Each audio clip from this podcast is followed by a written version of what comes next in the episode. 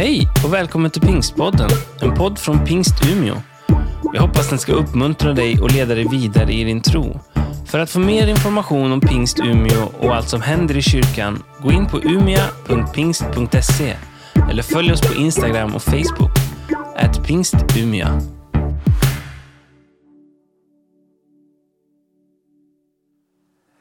Ja, men så underbart att se alla barn och inte minst våran, eh, vårt lejon Leonard. Jag funderar på var det kommer ifrån. Men eh, det är ju liksom den där bibliska bilden av Jesus som både är ett lejon, starkt och mäktigt och ett lamm som är villigt att offra sig. Vi får väl se nästa år om det blir ett lamm som åker ut och delar ut biblar. Att titta på Linda som sitter här borta i kyrksalen där vi är just nu. Ja, det har verkligen varit ett annorlunda år och för mig som pastor i en kyrka som eh, jag menar där väldigt mycket bygger på att vi möts, vi träffas, vi hälsar på varandra, vi ser varandra in i ögonen, vi frågar hur är det, hur har du det? Vi dricker kaffe, vi ber, vi lovsjunger, vi böjer våra knän, vi lyfter våra händer och vi delar Guds ord. Äh, jag har känt mig som en snickare utan verktyg det här året. Alltså det är precis som att ja, men nu ska vi bygga. Få se nu, var, var är hammaren någonstans? Jaha, det var någon som tog den. Var, var är sågen någonstans? Liksom, ja, eh, nej, vi har inga, det finns ingen såg. Eh, skruvdragaren är borta. Eh, hur gör man? Och så har vi försökt det här då. Men det är ju en sak att vi som kyrka kan uppleva lite frustration. Hur, hur gör vi? Vi har ju sett hur det här har påverkat en hel värld. Ändå måste jag säga, när jag ska summera det år som ligger bakom, att jag känner en väldigt stor tacksamhet. Jag känner en tacksamhet till dig som har varit med oss trots att vi inte har kunnat träffas som kyrka. Eh, vi har fått se det månad efter månad så har det kommit eh, Ja, men vi har kommit hälsningar, det har kommit in pengar på Swish och bankgiro och, och vi har fått eh, glada, vänliga tillrop. Och Gång efter gång har jag fått personliga hälsningar också där man säger, ja, men vi vill bara säga att vi står med. Vi tänker inte backa undan utan vi har ställt om och vi tänker ställa upp och vara med och bära. Och därför så är det helt otroligt nu när vi ska summera det här året som har varit och titta liksom, men hur gick det ekonomiskt? Jag för min del, jag var faktiskt orolig där i april, maj och tänkte vad kommer att hända nu? Vi har samlat in mer pengar det år som ligger bakom än vad vi hade tänkt och satt upp som mål. jag vill tacka dig som har varit med. Du har varit med med din lilla gåva, din stora gåva. Gud välsigne dig. Men jag känner också en väldigt tacksamhet till Gud. Bibeln säger ju att han som har kallat oss, han är trofast. Han som har börjat ett gott verk, han ska göra det färdigt. Och jag tycker det är så påtagligt när jag tittar tillbaka på det år som har varit att Gud är trofast. Det är en hållning som finns hos Gud att han lämnar oss inte. När allting annat gungar så har vi något att luta oss emot. Vi har något att stå på och vi har ett hopp att se fram emot. Den tro vi har, den bär. Jag skulle vilja tala med med oss som kyrka idag. Och jag skulle väldigt gärna vilja att du som eh, undrar lite grann vad vi gör i, i Pingst i Umeå, att du hänger på och hänger med och, och delar eh, gemenskapen här. Eh, jag vill tala med dig om, om tre viktiga nycklar som jag är övertygad om att om vi använder de här nycklarna på rätt sätt så kommer det att öppna dörren mot framtiden. Då kommer vår devis, du vet vi vill vara en, en kyrka med Jesus i centrum som ser ett, ett efter ett förvandlat liv också att kunna förvandla den här världen. De tre nycklarna, de, de handlar om generationsfrågan, i vår församling vill vi vara en generationsöverskridande församling. Vi tänker inte bara att vi var en kyrka för liksom mellan generationen eller för de som var med och grundade den här församlingen för snart hundra år sedan. Utan vi vill vara en kyrka för nästa generation också. Och vi tänker att, att när, när vi som är lite äldre har lagt ner vandringsstaven, då ska det som är pingst i Umeå, det ska, det, det ska vara bättre, större, starkare än det var när vi var med och byggde. Generationsfrågan är helt avgörande. Lyckas vi där, generationsväxla och ge vidare till nästa generation, då kommer det att gå bra. Den andra stora frågan, det är integrationen. I, I, vårt land har vi välsignats med över två miljoner utrikesfödda medborgare. Och det har vi gjort på en 20-årsperiod. Det är helt otroligt. Och det där har också märkts i vår kyrka. Det är en fantastisk välsignelse men samtidigt en oerhörd utmaning. Lyckas vi integrera mera, då kommer vi att få se att den här församlingen inte bara eh, håller ställningarna utan växer och blomstrar. Den tredje grejen som jag vill prata med, med dig om, den handlar om att göra saker tillsammans. Vi lever i ett samhälle där eh, man nästan tänker att varje människa är en öde ö. Vi ska vara individer. Det är så viktigt att vara liksom självständig. Ja, men I kyrkan tänker vi annorlunda. Där är det viktigt, viktigt att vara unika personer. Men vi hör samman. Vi vill teambilda. Vi vill göra som Jesus. Bilda lärjungateam. Lärjungaträna och göra det tillsammans. Okej, okay, tre grejer. Är du med nu? Nu vet du vad jag, jag, vad jag vill tala med dig om. Och jag hoppas du, du hänger med. Och, eh, du sitter i soffan där hemma, kan du ta en kopp kaffe? Jag tar lite vatten. Ja, men, eh, generationsfrågan. Hur ser vi på nästa generation? Och vilka, vilka förutsättningar ger vi till nästa generation för att kunna ta vid där eh, du och jag en gång började. Vi som har varit med lite längre. Själv har jag varit med nästan 40 år.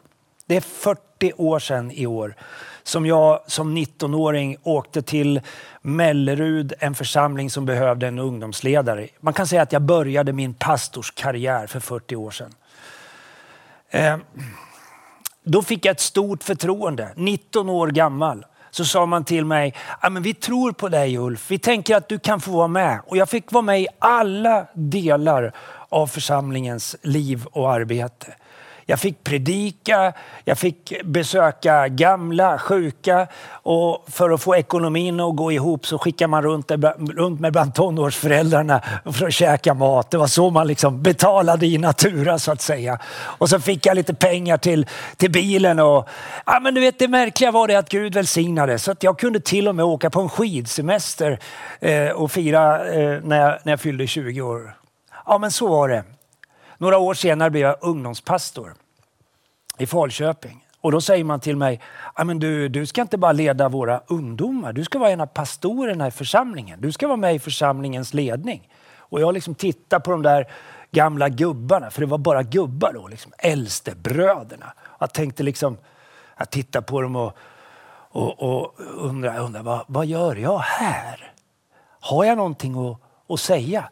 Nej, men de dunkade mig i ryggen och utrustade mig och gav mig förutsättningar. Så när vi skulle åka på läger så åkte vi två bussar med ungdomar tillsammans med några av församlingens ledare eh, hela vägen ner till Österrike. Det var fantastiskt.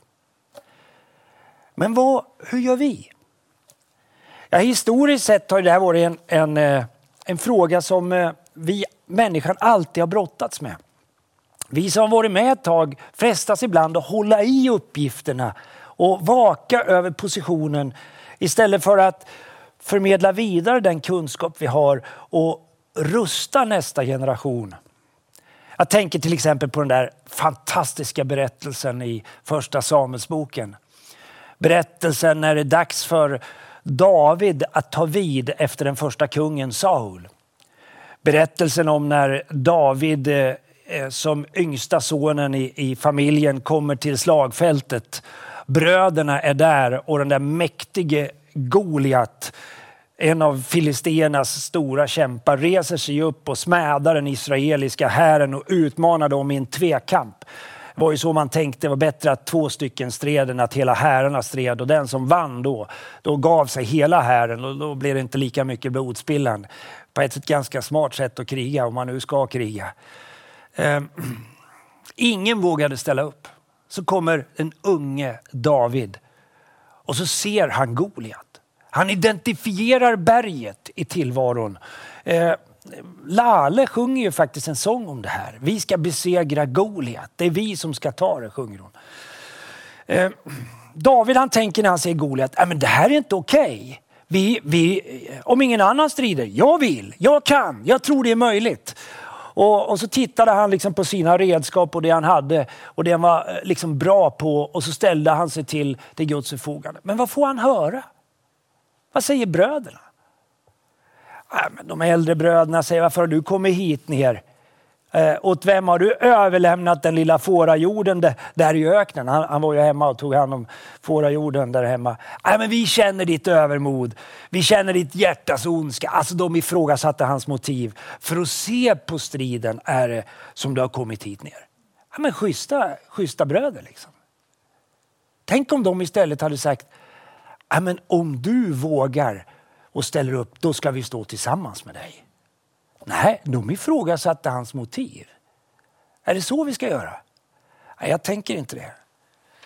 Kungen då, det kommer ju till slut till kungens kännedom att det finns en som är beredd att ställa upp. Och det är en som egentligen inte är med i armén. En som inte har någon erfarenhet alls.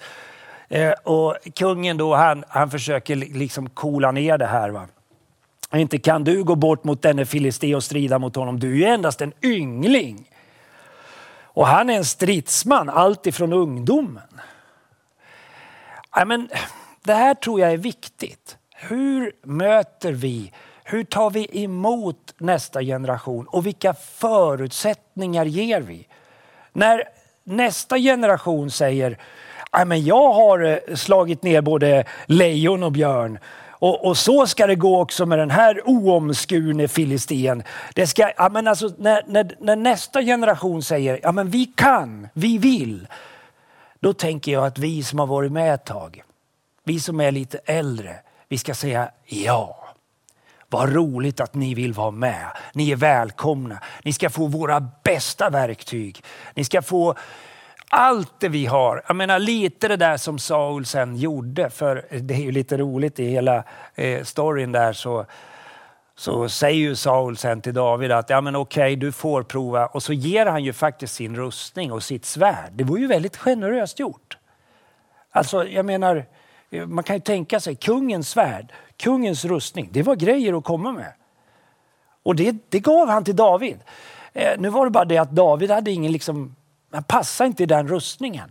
Han skulle strida, han hade samma mål och samma liksom, riktning. Man behövde få använda sina gåvor och sin talang och få göra det på sitt sätt. Och det tänker jag att det där är, det är otroligt utmanande. Och jag, jag, jag, känner det själv när jag möter unga och jag hör liksom vilka sånger de vill sjunga och ja, men lite vilka idéer man har. Och jag tänker, ja, men hur tänker de nu och sådär. Men jag har bestämt mig. Jag har bestämt mig för att min första fråga ska inte vara eh, varför ska du göra på det där sättet? Utan min första fråga ska vara vad är ditt, vad är ditt motiv och vad är det du vill åstadkomma? Och min andra, mitt andra uttalande ska vara om du tror att Gud har kallat dig och Gud tror på dig, då tror jag på dig. Jag vill vara med dig, jag vill stå bakom dig, jag vill rusta dig. Och skulle det gå lite dåligt så vet du, då, då ska jag vara med och betala vad det kostar för att fixa det så du får en chans till. Är du med? Jag tänker att den hållningen är bra. Det går några generationer. David blir ju sen kung. Den yngste grabben blir kung. Och sen eh, lämnar han över till eh, Salomo eh, som ju bygger det här fantastiska templet åt Gud i Jerusalem. Och så blir det dags att lämna över till fjärde generationen i kungariket eh, Israel och Juda. Kungen heter Rehabian. Det är då vi kommer till en annan fråga i, det här, i den här generationsfrågan. Rehabian han eh, har just tillträtt och så, och så vänder han sig till de äldre de äldste och så frågar han, eh, vad ger ni mig för råd om jag nu ska leda? Hur ska jag tänka? Och då säger de äldste, första kungaboken 12. Om du idag böjer dig, om du lyssnar på folket och, och blir dem till tjänst och lyssnar på deras bön och talar goda ord till dem så ska de för alltid bli dina tjänare. De som hade varit med länge, de tänkte på folkets bästa. De hade erfarenheter som var viktiga in i en ny generations ledarskap. Men eh, Rehabian, han vände sig också till de unga och så frågade han, hur ska jag göra nu? Och det är då vi får den där legendar, de där legendariska orden. Så här ska du säga, säger de unga. Mitt minsta finger är tjockare än min faders höft. Har min fader Salomo gjort ert ok tungt så ska jag göra ert ok ännu tyngre. Har min fader tuktat det med ris ska jag tukta er med skorpiongissel. Alltså vad, vad de, det råd de ger är, amen, sätt dig i respekt. Alltså deras fokus här, de unga i det här läget, de har mer fokus på ledaren som ska leda än på folket de ska leda. Och de ger ett, ett allvarligt och farligt råd till ett nytt ledarskap. Nu får Rehabian välja. Vilka ska jag lyssna på? Vilken erfarenhet ska jag lyssna på? Och då väljer han att lyssna på råd som kommer ifrån oerfarna ledare. Och det där gör att riket delas. Det är en oerhört tragisk berättelse. Tio stammar drar. Vi orkar inte med den typen av ledarskap. Vi måste ha något annat. Och kvar blir Juda och Benjamin och så leviterna som finns i, i templet. Men de har ju liksom ingen egen jord. Och, och hela den norra delen av Israel raderas ur Israels historia. Det där vill vi inte vara med om. Vi måste lyckas i generationsfrågan. Så här tänker jag att du som är ung, se till att skaffa dig en mentor. Skaffa dig gärna någon som är bra mycket äldre än dig. Och, och så frågar du, vad, vad, skulle du vilja ge mig för råd? Hur ska jag tänka? Hur gjorde du när du var 20? Hur gjorde du när du var 30? Hur tänkte du? Och så tar du del av de där tidlösa råden. Då kan vi få se en generationsväxling som blir till välsignelse för evangeliet och det budskap som vi har. Vi måste lyckas i generationsfrågan. Den andra stora frågan som jag vill tala med om, det är integrationen. Vi har sagt att vi ska integrera mera. Vi, vi vill liksom se eh, alla de som kommer utrikesfödda och barn till utrikesfödda få, få känna att ja, men här i den här församlingen har vi ett hem. Om vi kommer från Afrika, från Mellanöstern, från Sydamerika eller från Norrbotten, det har liksom ingen betydelse. Här är liksom inte jude eller grek, det är liksom inte etnicitet eller kulturell bakgrund som vi frågar efter. Utan vi frågar, vem tror du på? Vad är ditt centrum? Och sen uttrycker vi det där på lite olika sätt. Det var så härligt när jag såg eh, Destiny och Hanna Maria leda gudstjänsten här tillsammans. Och bakom kameran som, eh, som eh, filmar just nu så står pastor Eli. Och, och jag hörde Destiny och pastor Eli, de pratade med varandra. Jag vet inte riktigt vilket språk det var. Om det var franska eller tigrinja eller... Nej, nej det är, Kirundi är tigrinja, det är väl från Etiopien? Va? Eller ja, ja men ni hör. Vi, vi talar många olika slags tungotal i, i den här församlingen och det är jag jätteglad för. Vi har två miljoner som kommer från andra länder som numera bor i Sverige och tänker Sverige är vårt hemland. Vi, vi har kommit för att stanna och jag skulle vilja säga till er, ni är välkomna. Ni är välkomna till pingst i Umeå. När vi föddes 1925 då fanns det nästan ingen utrikesfödd medborgare i det här landet. Nu finns det två miljoner. Vi är glada för det. Jag menar, vi hade inte haft potatis om vi inte hade haft folk från Sydamerika. Vi hade inte haft pasta om inte några hade kommit från Italien. Vi hade inte haft kebab om vi inte hade haft några från Mellanöstern eller kaffe om inte några hade kommit från Afrika. Vi hade suttit med vår surströmming och vår pitepalt och vår lingonsylt och vårt renkött. Och, ja, men vi har väldigt mycket fina grejer här. men tänk vad bra att man kan få ta en pizza ibland. Eller lite pasta eller lite kebab. Och, och för att inte liksom tala om maten från Etiopien. Jag faktiskt åt en del här. Ni såg ju från bröllopet vi hade i somras. Ja, men det är fantastiskt. Tänk att vi har varandra. Det här är någonting som kyrkan har jobbat med genom alla tider. Vi vill inte ha en etnisk ren kyrka. Vi vill ha en, en kyrka där vi har många nationaliteter. Och Det här är väldigt intressant. När evangeliet eh, började spridas så började det bland judar. Jesus var ju jude.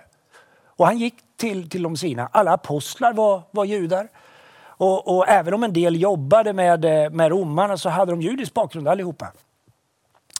Eh, och, och, det här präglar naturligtvis församlingen i, i, Jerusalem så att man tog med sig väldigt mycket av den judiska kulturen in i den liksom, nya tron, i den kristna tron.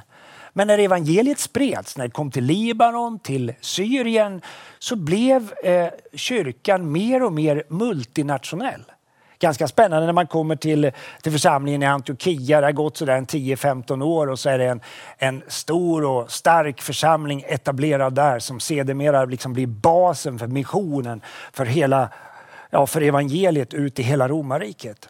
Ja, men om man tittar på den församlingen och tittar på dess ledning så ser man att församlingen i Antiochia så fanns det profeter och lärare. Det var Barnabas. Var kom han ifrån?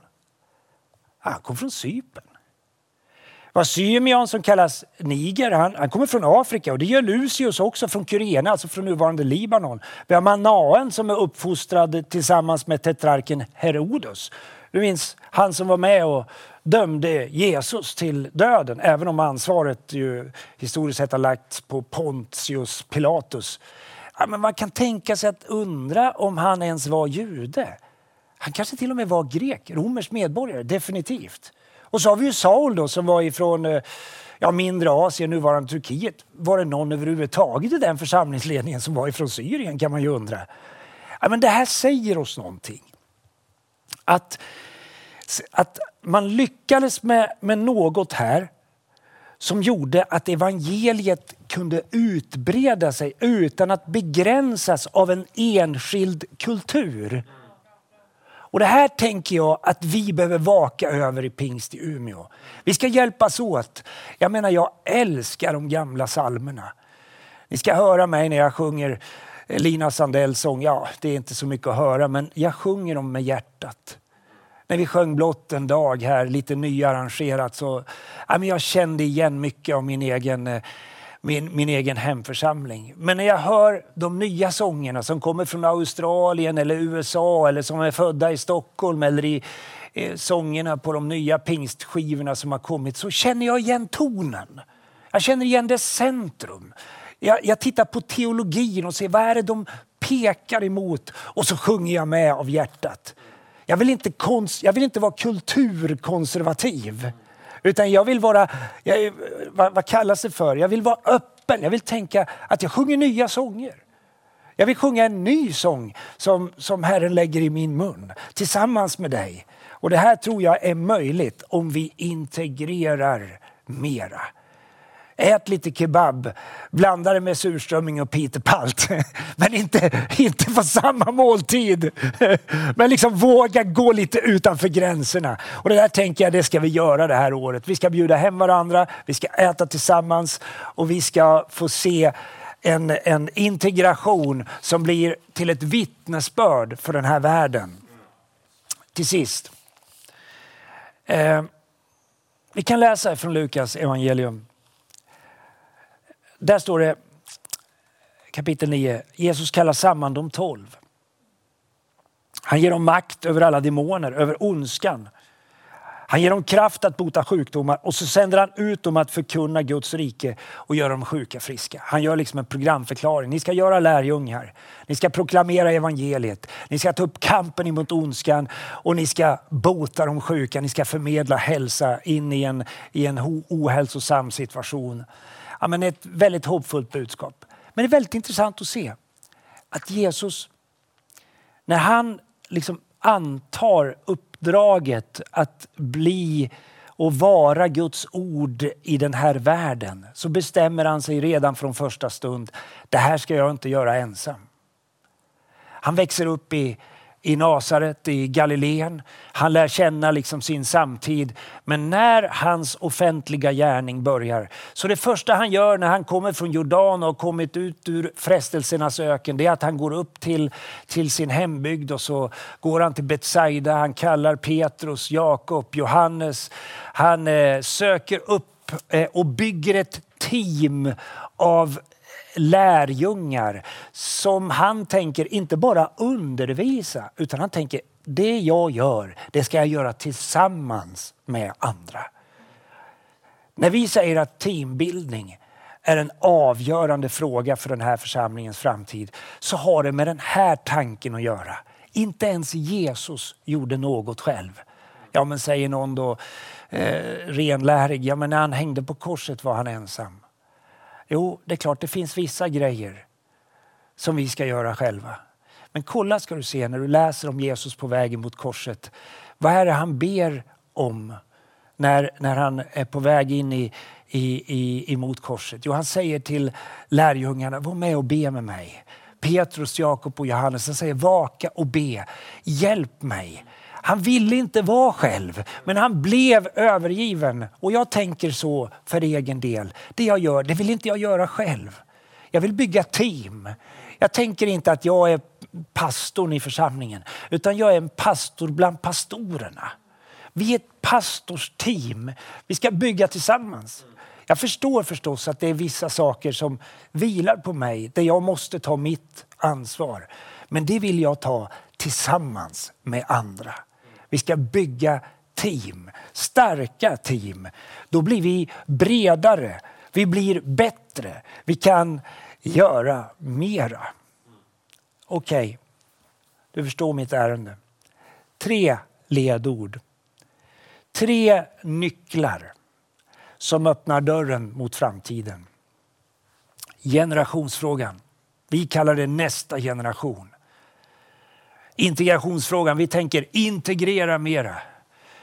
Frågan om samarbete, vi tänker vi ska teambilda, vi ska göra som Jesus, vi ska bygga team av lärjungar som förvandlar den här världen tillsammans.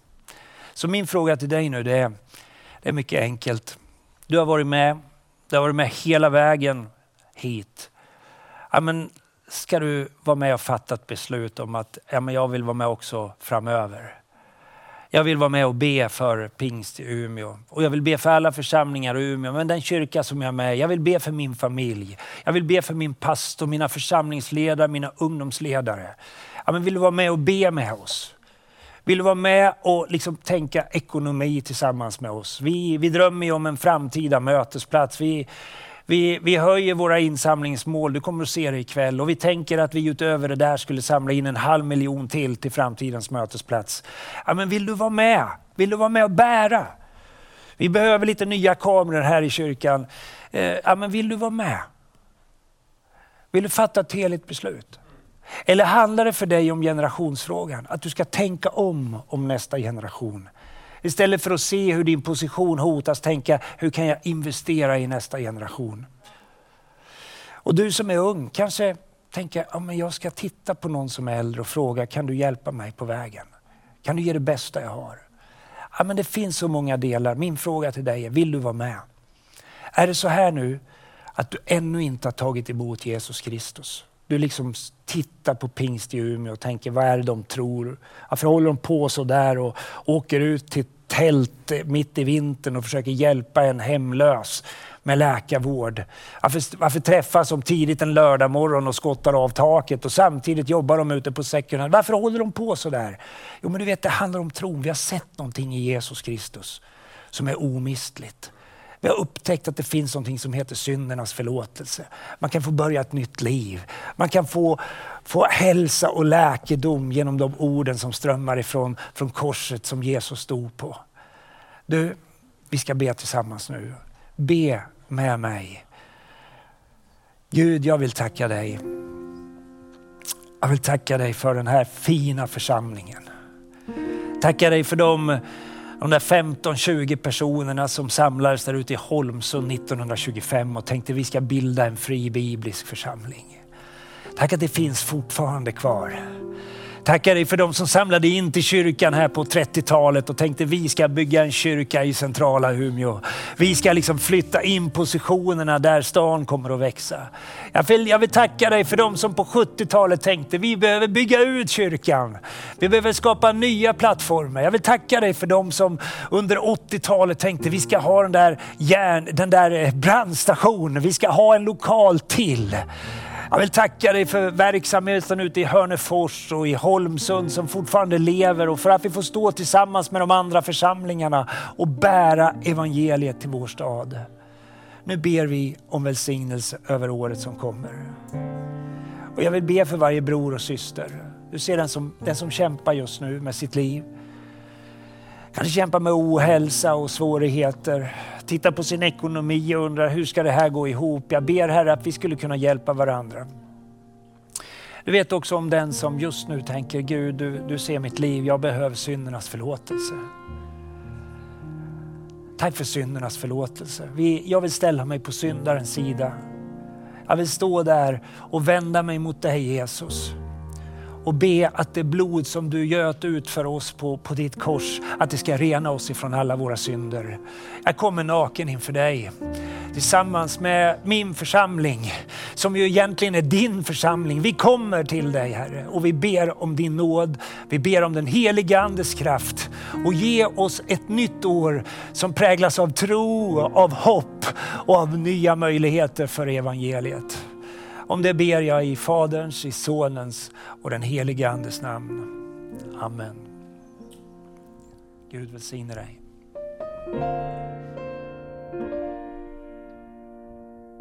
thank